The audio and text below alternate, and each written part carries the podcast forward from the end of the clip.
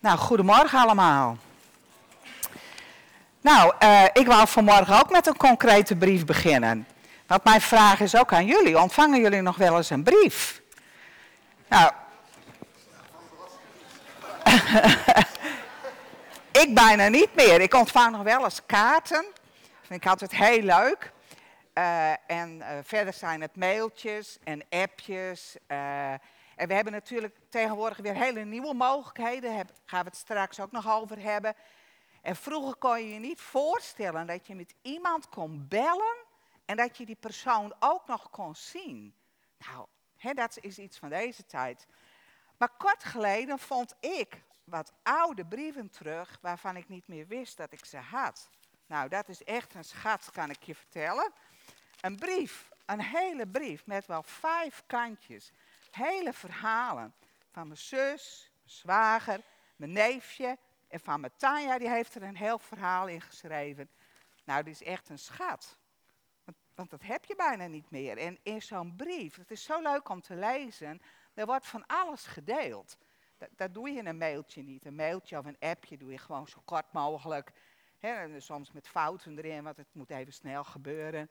Een brief, joh, dat, nou, dat is echt iets. Dus ik geniet hier heel erg van. Misschien hebben jullie ook nog van die brieven die je hebt. Misschien ontvangen jullie in het buitenland wel eens brieven, Henk? Nee, ook per mail natuurlijk. Uh, nou, heel mooi dat dat kan en dat we heel veel digitale mogelijkheden hebben. Maar vanmorgen gaan we het hebben over de brieven. En in de Bijbel lezen we ook over brieven. Allereerst natuurlijk de brieven die aan de eerste gemeente geschreven zijn. Paulus heeft heel veel brieven geschreven, maar ook uh, Petrus, Johannes en Jacobus. En uit die brieven kunnen wij heel veel leren. Maar Paulus schrijft, spreekt zelf ook over brieven. En dat lezen we in 2 Korintiërs. En Paulus die heeft zelf de gemeente van Korintiërs uh, gesticht. En hij beziet hen als zijn kinderen. Hij heeft een speciale band met hen. En hij bezoekt hen een aantal keren. Hij heeft er eerst een hele tijd gewoond, maar later gaat hij naar hen terug. En hij schrijft ook brieven aan Korinthe. Maar dan wordt de relatie met de Corinthiërs die wordt vertroebeld. En dat lezen we in 2 Corinthiërs. Want er zijn andere leraren die de gemeente ook bezoeken. En die vertellen waar een goede leraar aan moet voldoen.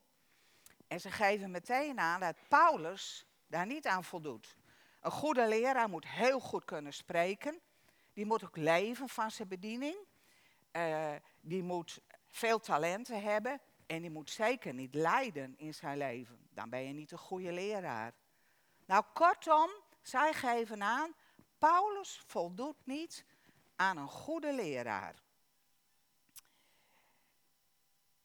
En ze geven, ze geven ook aan dat ze beter, de Corinthiërs beter niet naar Paulus kunnen luisteren. Wat diep triest. Hoe mensen je kunnen veroordelen. Misschien heb jij het ook wel meegemaakt in je leven. Of misschien heb je het ook wel gedaan naar anderen toe. Maar in 2 Corinthiërs gaat Paulus in op deze veroordeling. En hij grijpt terug waarom hij het evangelie verkondigt.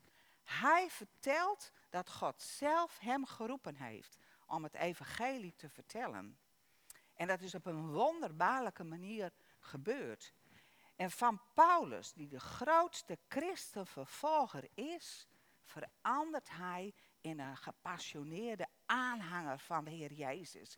En hij vertelt over ja, de radicale boodschap en het radicale effect wat het leven met de Heer Jezus teweeg brengt.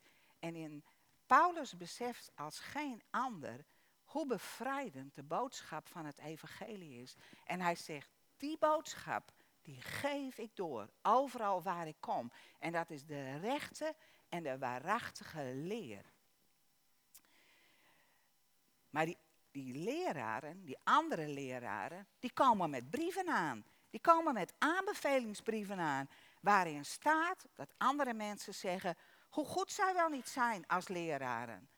Weet je, ik moest daarbij denken aan een sollicitatiebrief. Misschien heb je wel eens een sollicitatie gedaan en dan vraag je een referentie eh, aan iemand anders. En die vertelt eh, aan de partij waar jij solliciteert hoe goed jij wel niet bent. En dat ze jou zeker moeten aannemen. Nou, dat is zo'n aanbevelingsbrief. Paulus geeft aan dat hij die aanbevelingsbrief helemaal niet nodig heeft. Want, zegt hij tegen de Corinthiërs, jullie zijn mijn aanbevelingsbrief. Jullie zijn bekeerd door de boodschap die ik gegeven heb. En aan jullie kunnen, kan iedereen zien wat het evangelie teweeg brengt. Het gaat niet om mooie woorden, maar het gaat om de kracht van de woorden. En het gaat om de vrucht die de woorden teweeg brengen, wat eruit voortkomt. En we gaan daarover lezen in 2 Korintiërs 3 en dan vanaf vers 1. En er staat, beginnen we onszelf weer aan te bevelen?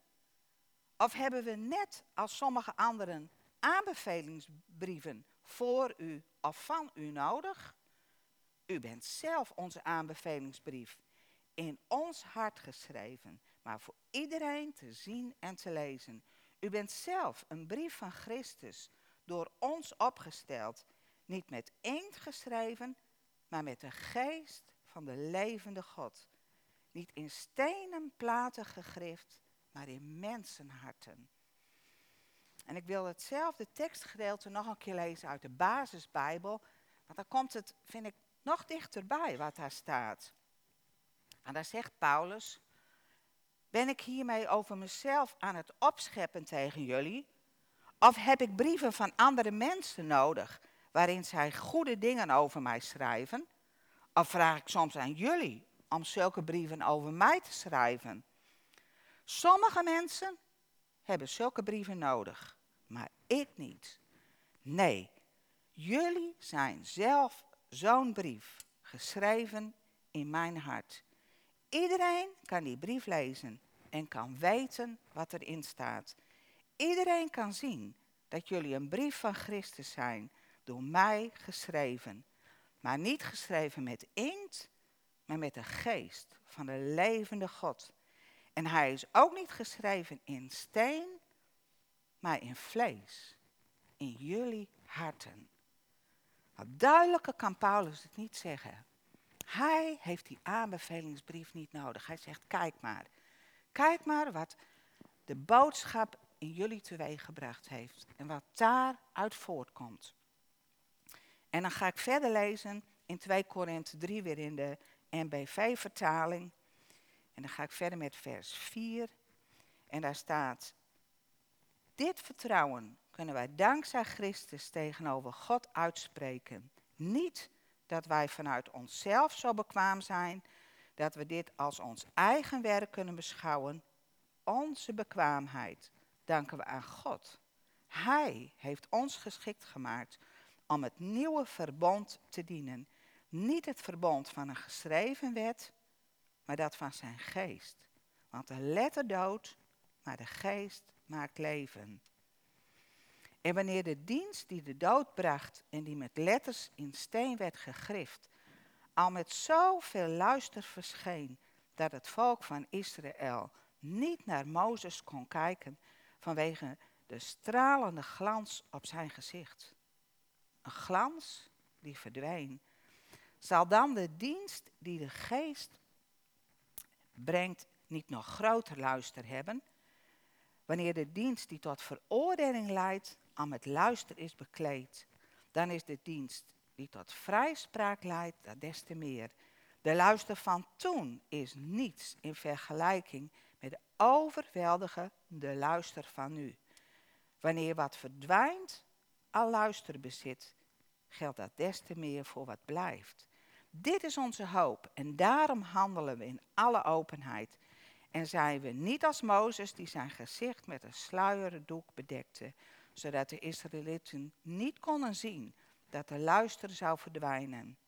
Hun denken verstarde en dezelfde sluier ligt tot op de dag van vandaag over het oude verbond wanneer het voorgelezen wordt. Hij wordt alleen in Christus weggenomen. Tot op de dag van vandaag ligt er een sluier over hun hart, telkens als de wet van Mozes wordt voorgelezen. Maar staat er, Telkens als iemand zich tot de Heer wendt, wordt de sluier weggenomen. Wel nu, met de Heer wordt de geest bedoeld. En waar de geest van de Heer is, daar is vrijheid. Wij allen die met onbedekt gezicht de luister van de Heer weer spiegeld zien, zullen door de geest van de Heer meer en meer naar de luister van dat beeld worden veranderd. Nou, het Bijbelgedeelte waar heel veel in staat, maar ik wil de drie punten wil ik er uh, uitlichten. en dat zijn een levende brief van Christus, veranderen naar het beeld van God en Gods heerlijkheid laten zien. En dan ga ik, begin ik met een levende brief van Christus. Wij zijn net als de gemeente van de Corinthiërs. Ook wij zijn een brief van Christus. Ons leven is veranderd doordat wij de Heer Jezus hebben leren kennen. Doordat Hij in ons leven gekomen is. De Heilige Geest woont ook in ons hart. En Hij schrijft in ons leven. En waaraan is dat te merken? Aan de outfit. Aan dat wat je uitstraalt. Wat er uit je komt. Uit je, uit je, uit je mond. Uit je daden. Hoe je kijkt. Hoe je omgaat met de ander. Daarin zie je wat wie in jou woont. En wat, wat daarin naar buiten komt. En de mensen om je heen, die merken dat. Die merken wie jij bent. Jij bent een leesbare brief. Misschien heb je dat niet in de gaten altijd, maar je bent een leesbare brief voor de mensen om je heen. En het wonderlijke is, je hoeft die brief niet zelf te schrijven. Met prachtige woorden en met mooie versieringen. Je hoeft het niet te doen met je eigen prestaties, om indruk te maken op de ander. De geest zelf werkt in jou. En mensen die proeven wat de geest in jou doet. Die merken wat er in jou leeft. Je kunt heel mooi iets met woorden zeggen. Maar als het in je leven niet te merken is, dan kun je beter je mond houden. Dan kun je beter stil zijn. Het is zo triest dat de mensen die God niet kennen, zo vaak teleurgesteld zijn in het gedrag van christenen. Want zij weten heel goed wat wel bij een christen hoort en wat niet bij een christen hoort. En er zijn zoveel mensen die daardoor afgehaakt zijn van het geloof. Omdat woorden, gedrag niet met elkaar overeenkomen. Dat wat je op zondag beleidt in de kerk niet blijkt uit wat je op maandag op je werk doet. Of in je buurt. Of in je gezin. Of op school. Zij merken dat als geen ander. Wat is het dan mooi dat de Heilige Geest in ons hart woont. Dat Hij met zijn vinger in ons leven schrijft. In ons lichaam. In onze ziel, ons denken, ons wil, ons verstand, onze geest. Hij schrijft daar. En hij wil in ons hele zijn hemelse heerlijkheid leggen. En in het gedeelte wat we net lazen ging het ook over de wet dat in de wet woorden gegrift werden. Nou, dat griffen, dat woord griffen, dat is een woord dat wij niet, gewoon niet gebruiken, maar dat bleef mij bij. Als jij ergens iets in grift, je ziet het nog wel in bomen, dat mensen daar iets in griffen, of in stenen, maar als je ergens iets in grift, dan is het er niet meer uit te halen. Of in ieder geval heel moeilijk. Het is net, net iets uh, als tatoeëren van je lichaam. Als jij iets tatoeëert op je huid, dan is het heel moeilijk om het eruit te halen. En we lezen in de Bijbel dat God onze naam in zijn handpalm heeft gegrift. Het is steeds voor ogen, jouw naam, als God naar zijn hand kijkt. En zo wil de Heilige Geest in onze harten griffen en iets van Gods heerlijkheid, van Gods karakter in jou etsen, zodat het er binnenkomt en ook blijft. Hij wil vriendelijkheid in jouw griffen. Een vriendelijkheid die niet afhankelijk is van de mensen om je heen, maar een vriendelijkheid die van Hem komt. Hij wil vrede in je leggen. Een diepe vrede. Niet afhankelijk van de omstandigheden waarin je bent, maar een vrede omdat je op God vertrouwt. Hij wil liefde in je leggen. Onvoorwaardelijke liefde. Dat wil hij in je leven etsen, zodat mensen het zullen proeven. Dat je bewogen bent met iemand anders. Dat je aandacht hebt voor iemand anders. God wil geduld. Geduld wil God in je hart etsen. Dat je bereid bent te wachten. Misschien wel te wachten op mensen om te blijven hopen. Geduld te hebben. Te blijven uitzien naar een verandering. Maar geef je God de kans om in jouw leven te schrijven. God werkt niet in onwillige mensen. Wij zijn niet een marionet en God gaat niet aan de gang als je niet bereid bent om Hem in jouw leven te laten werken. God wil jouw levende brief van Christus maken, zodat andere mensen iets proeven van wie God is, van Zijn liefde. Wat zien ze in jouw leven? Ben jij een brief van Christus? Of ben jij een kladblok? Waar van alles opgekrabbeld staat, maar het is onleesbaar en het geeft geen duidelijke boodschap over. Of ga je tegen God in? En wil je helemaal niet dat Hij in je hart werkt? Geef je Hem niet de ruimte om in jouw leven te werken? Vragen om eens over na te denken. Je doet het niet zelf, die brief zijn. Maar het komt wel uit je voort van wat er in je leeft. En wil jij die levende brief van Christus zijn? En dan ga ik het over naar het tweede punt. Het tweede punt is veranderen naar het beeld van God.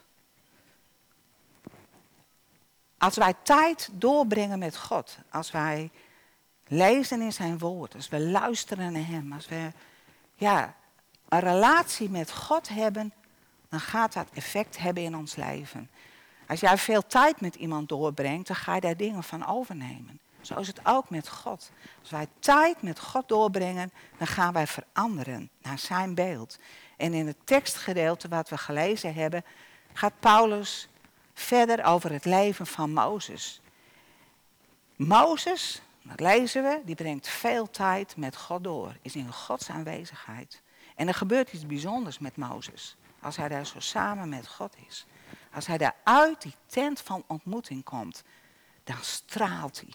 Dan is er zo'n goddelijke glans op hem, dat de mensen het niet eens kunnen aanzien. En hij moet een doek over zijn hoofd doen, zodat zij niet die glorie en die heerlijkheid van God zullen zien in hem. Nou, staat in dat gedeelte ook wat we gelezen hebben, dat oude verbond, wat nu vervangen is door een nieuw verbond, als dat al zoveel effect had, wat gebeurt er dan als de Heilige Geest in ons werkt? Als de luister en de heerlijkheid van God in je komt en jij gaat veranderen naar het beeld van God, dan gaan mensen dat proeven. Als jij ergens binnenkomt, dan breng jij die heerlijkheid van God breng jij naar binnen. Ik, uh, uh, toen ik hiermee bezig was, moest ik zo denken aan een gebeurtenis in mijn leven, al heel lang geleden. Toen heb ik een een, een, ja, een diepgaande verandering in mijn geloof meegemaakt. Ik leerde God kennen als mijn vader. En ik werd zo geraakt door, door Gods vaderliefde, dat hij onvoorwaardelijk van mij hield. En dat hij een vader voor mij wilde zijn. Ik had het in woorden altijd gehoord, maar toen raakte het me zo diep. En toen ik, uh, ik, ik, was ergens op een uh, conferentie en toen ik weer terugkwam op mijn werk en ik werkte bij jongeren, toen zei een van die jongeren tegen mij, Wat is er met jou gebeurd? Ze zei, jouw ogen stralen zo. En het, het liet mij zo zien, als jij tijd met God doorbrengt en God doet iets in jou, dan gaan mensen dat zien. Kijk elkaar maar eens in de ogen. Wat proef je daarin? Wij kunnen het bij elkaar, maar ook andere mensen om ons heen. In, in zoveel mensen is leegte, is verdriet. Wij mogen de heerlijkheid en de liefde van God weerspiegelen. En hoe heeft deze wereld dat nodig? Misschien heb je van de week ook het bericht gehoord dat zelfmoord een van de grootste doodsoorzaken is in het leven van tieners en ook van jongeren.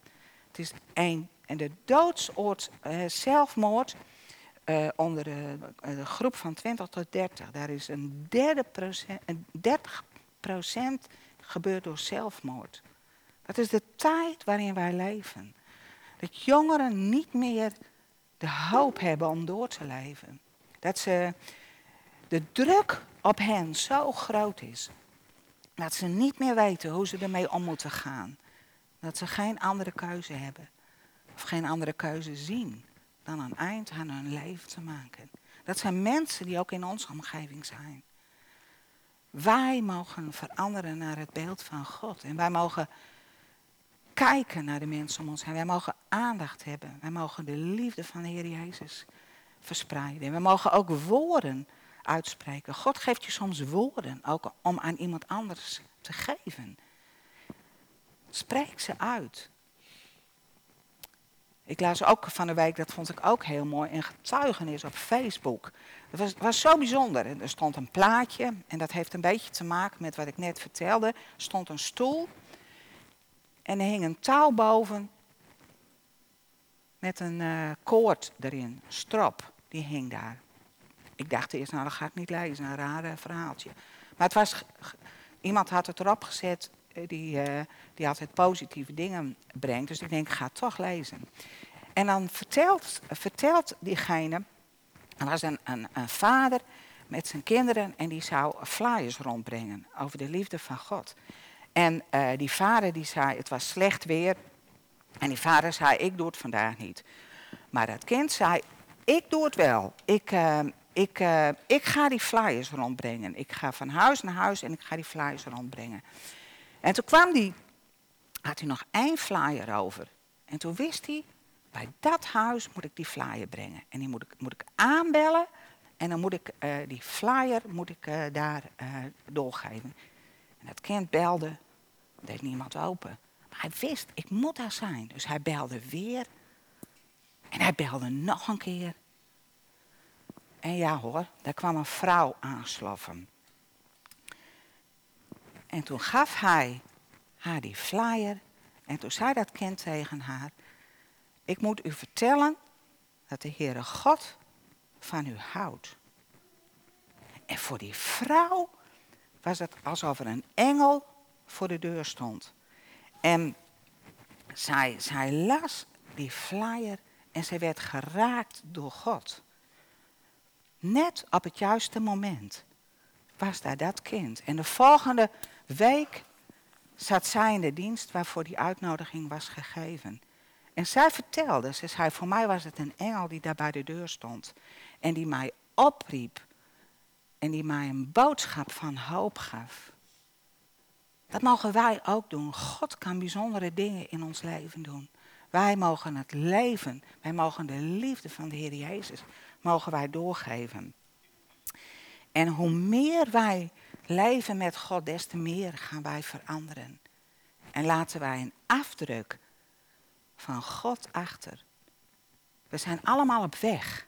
En het gaat er niet om dat wij een doel bereiken, maar het gaat erom dat wij op weg zijn en, wat, en het spoor wat wij achterlaten. Wat zien de andere mensen van de Heer Jezus door ons leven heen? En als de Heer Jezus in ons leven binnenkomt, de Heilige Geest in ons werkt, dan worden we steeds mooier. Dan worden we steeds stralender. Wij worden meer als Hij. Misschien ken je dat lied, dat had ik deze hele week ook in mijn hoofd. Maak mij een beeld van U, zo vol van ootmoed, liefde en trouw. Maak mij een beeld van u. En dan kom ik bij het derde punt, wat er helemaal mee te maken heeft. Gods heerlijkheid laten zien. Wij mogen Gods heerlijkheid weerspiegelen. We zongen net het lied van het goud. Gelouterd goud. Als goud uh, gelouterd wordt, dan wordt het een hele strakke spiegel. En daar, weer, uh, en dan, daar weerspiegelt het beeld in van degene die daarmee bezig is. Als wij gelouterd goud zijn, gaan wij steeds meer weerspiegelen van onze maker. Van Hij die ons vormt.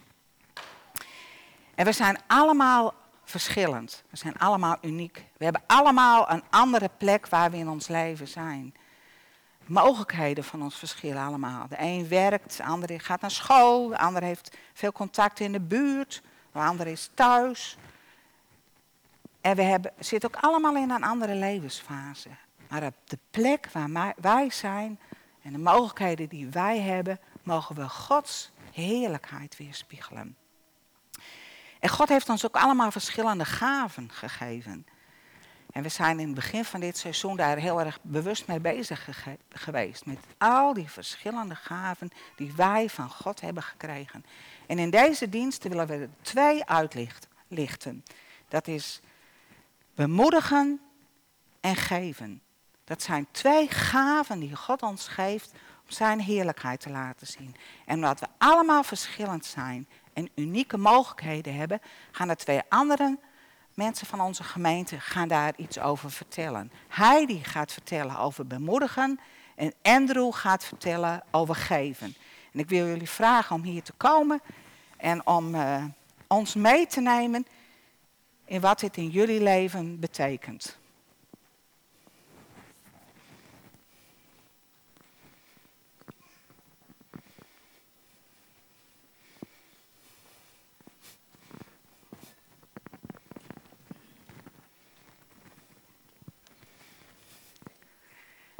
Ik geef eerst het woord aan Heidi. Ik ga hem wel vast voor je ja. Ik moet even opzoeken dat ik het zo mooi voor elkaar had.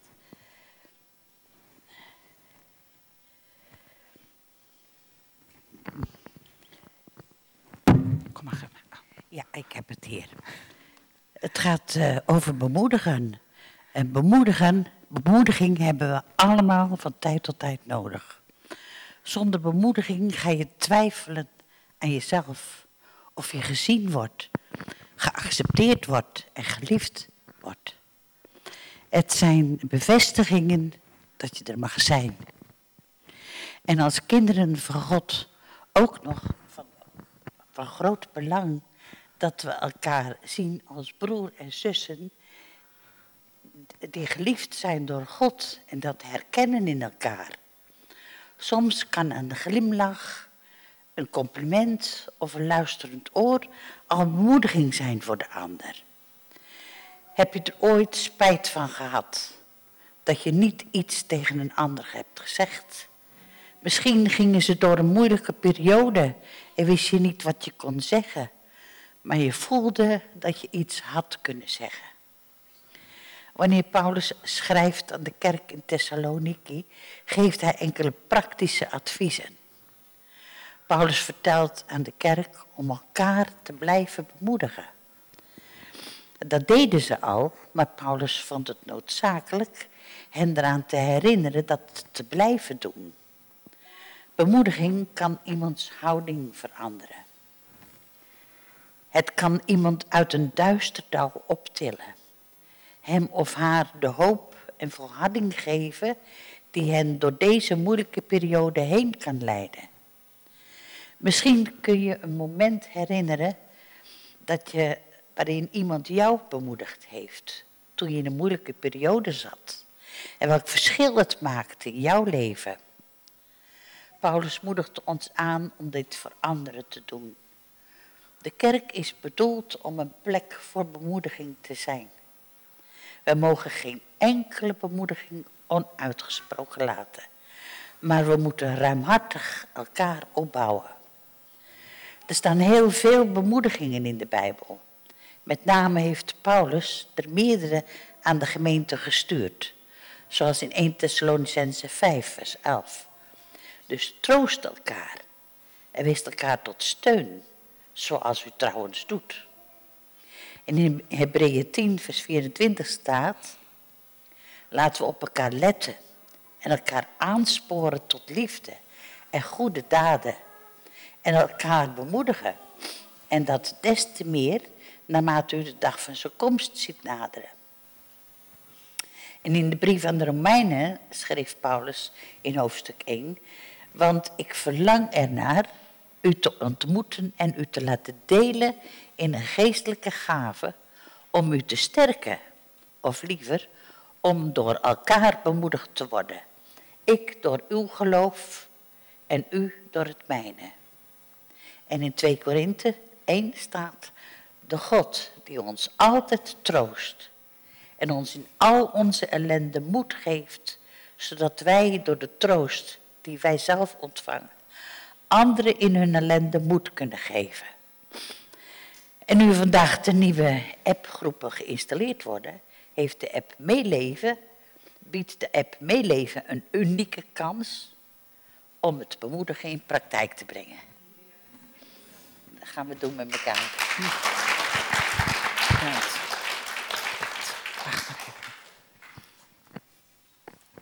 Dank, mooie woorden, ja.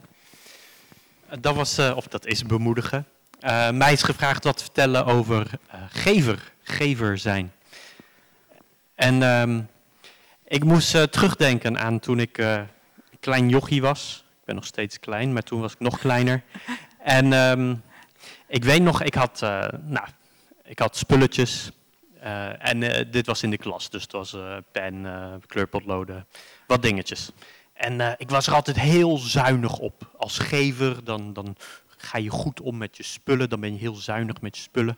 Dus van nature was ik heel zuinig met mijn spullen. En als mensen het wilden lenen of zo, dan had ik zoiets nee, nee, nee, nee, dit is mijn is, ik ben hier zuinig op, nee. Later, toen um, op een gegeven moment, ik las de Bijbel, ik denk de bergreden, en het kwartje viel. En ik weet nog dat ik die middag heb ik op een papier geschreven, een soort van tien geboden, maar dan over delen en, en vrijgevig zijn. En bij mij viel het kwartje dat God zegent en dat hij ruimhartig geeft.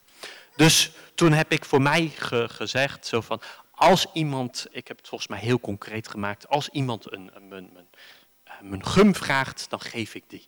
Uh, enzovoort. Dus toen, um, nou, ik weet nog vervolgens werd af en toe wat gevraagd. En toen zei ik zo van, ja hoor, ja hoor. En ja, dat was eigenlijk best wel uh, bevrijdend of zo. Maar uh, dat, mij werd gevraagd iets over geven te zeggen. En, dat, en wat het voor mij betekent. En hoe God dat naar mijn idee ziet. En, en dat is een, een gedachtespinsel van, van vroeger. Uh, ja, die, die bij mij opkwam. Zo van, oh ja, ik was en dat hoort ook bij de gever. Ik was heel zorgvuldig met mijn spullen. Maar ik, bij mij viel ineens het kwartje zo van God. Eh, God geeft overvloedig en daar mogen we van uitdelen. Um, dus dat is één aspect van geven voor mij. Geven, dan uiteraard zou je dan ook denken aan, aan geld. En um, nou, als, als gever um, ja, had ik zoiets van, ja, ik wil, ik wil God. Eh, nou, ik was kind en ik had altijd geleerd over, je, over de gaven en je tienden geven. Dus als klein kindje, nou alsnog was ik zo, um, kreeg ik misschien 10 cent per, uh, per week als zakgeld. En um, nou, 10% daarvan is 1 cent. Dus dan in de collectezak stop je 1 cent. En dan denk je, uh, is, is dit het nou? Voelt een beetje armoedig. Um, toen was ik een keertje in, in, in Nederland en we waren ergens aan het eten. En toevallig kwam ter sprake dat die persoon die zei zo van... Ja, qua die 10%, als je aan 10% wil houden... Die 10% dat kan ook met je tijd. En ik dacht, oh, geld heb ik niet, maar tijd heb ik wel. Dus toen viel bij mij het kwartje zo van, oh, dus wanneer ik me inzet, uh, wanneer ik mijn tijd geef, dat valt dus ook onder zeg maar, het, de, de gaven aan God geven. Dus toen dacht ik zo, oh, nou, dat kan wel. Dus toen, was ik ineens ook helemaal blij, want ja, geld had ik amper, maar tijd had ik uh, net zoveel als jullie. Um, dus dat kon ik mooi geven. Um, en later besefte ik, ik las een, een, biografie van een soort uitvinder van tractoren en, en, en, en grote machines.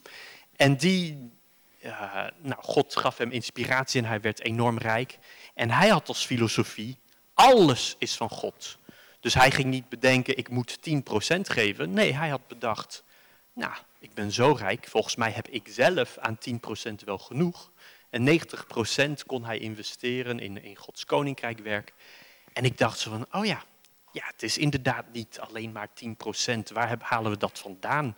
Nou, het staat in het Oude Testament voor de Levieten. Is, uh, maar inderdaad, alles is door God gegeven. En eigenlijk mogen we alles teruggeven aan God. Is alles een gift van God. En dan, om het iets praktischer te maken, als gever, ik, ik heb dus, uh, nou, ik, en uh, ja, ik kan ook dingen uitlenen. Uh, of soms heb ik, nou, dat was een tijdje geleden, ehm, had ik een, een, hele mooie tafel over. Wij gingen weg, dus we hadden een tafel over. En iemand anders kon een tafel gebruiken. Dus, oh, kun jij die gebruiken? Nou, mooi, prima. Neem maar mee. Dan en dan zijn we weg. Kom het dan maar halen. Of zoiets. En um, nou, even heel praktisch. We hebben straks een, een appgroep voor geven. En ook, ja, de, mocht je een, dat heb ik wel eens voorbij zien komen ook. Mocht je een mooie stoel hebben waarvan je denkt zo van, oh ja, dit kan ik dit kan iemand nog mooi gebruiken, dit kan nog een nieuw mooi leven krijgen. Nou, dat kan in die app. Mocht je zoiets hebben van, ja, ik heb tijd om te geven. Of, en dit is anders gedacht, vragen. Soms dan denk je zo van, ja, ik, ik ben, dit is ook voor de dienstbare mensen. Uh, ik durf best wel dienstbaar te zijn. Dus als iemand mij wat vraagt, ja hoor, ik wil wel helpen. Maar durf je zelf ook wel eens te vragen. Durf je zelf ook wel eens te vragen van, hé, hey, mijn huis is zo'n zootje en zelf kom ik er echt niet uit. Moet die knop om? Wil iemand me helpen om een keertje mijn tuin te doen? Vraag even. Of uh, dat je een kast wil sjouwen, maar je hebt een aanhangwagen nodig. Uh, vraag even. We zijn een gemeente, gemeente zijn we samen. Um, dus er is straks een appgroep waarin je dat soort dingen kunt vragen, kunt geven. En um, nou, daar gaat Wilma ook nog net iets meer over vertellen. Ja, je dat aan, Matanja geven? En uh, bedankt. En hij straks.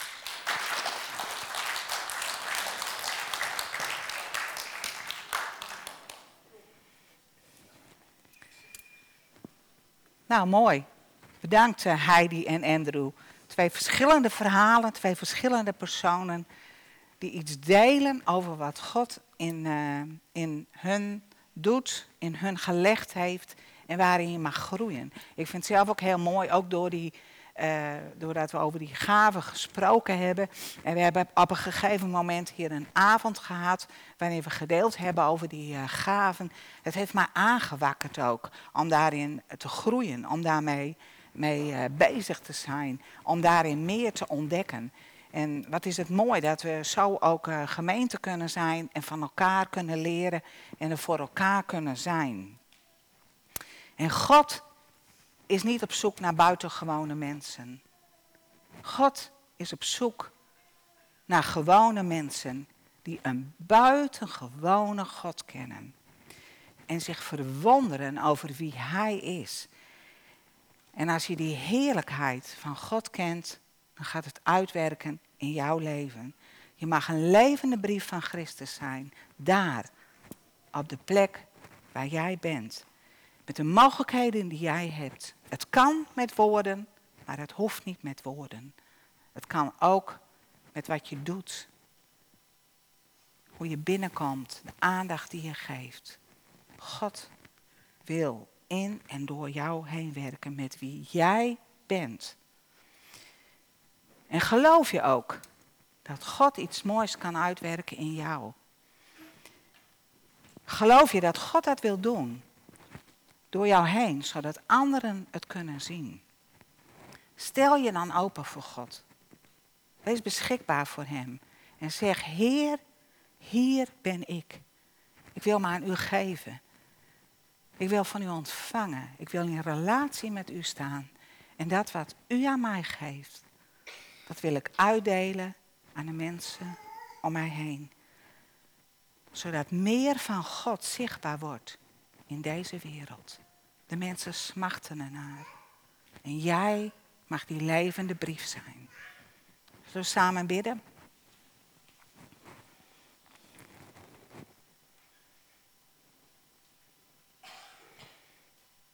Dank u wel, Heer, voor wie u bent.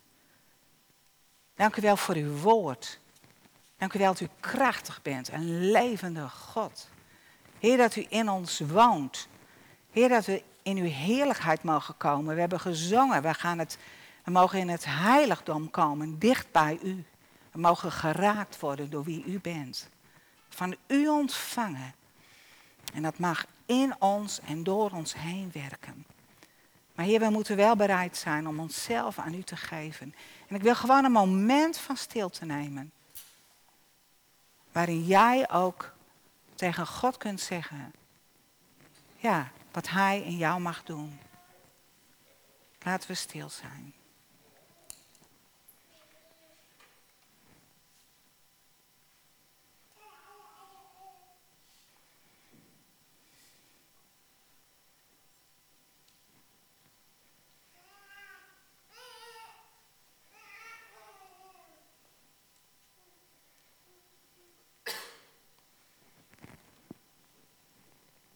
Heer, hier zijn wij voor u. We willen ons openstellen voor u. Dank u wel voor uw Heilige Geest. Die komt op elke plek waar openheid is. Om van uzelf in ons hart, in ons leven te griffen. En ons te veranderen. Meer en meer naar uw beeld. En een leesbare brief van Christus te zijn in deze wereld, zodat mensen zien en horen dat er een God is die leeft. Een God is die almachtig is. Dank u wel, Heer. Hier zijn wij. Amen.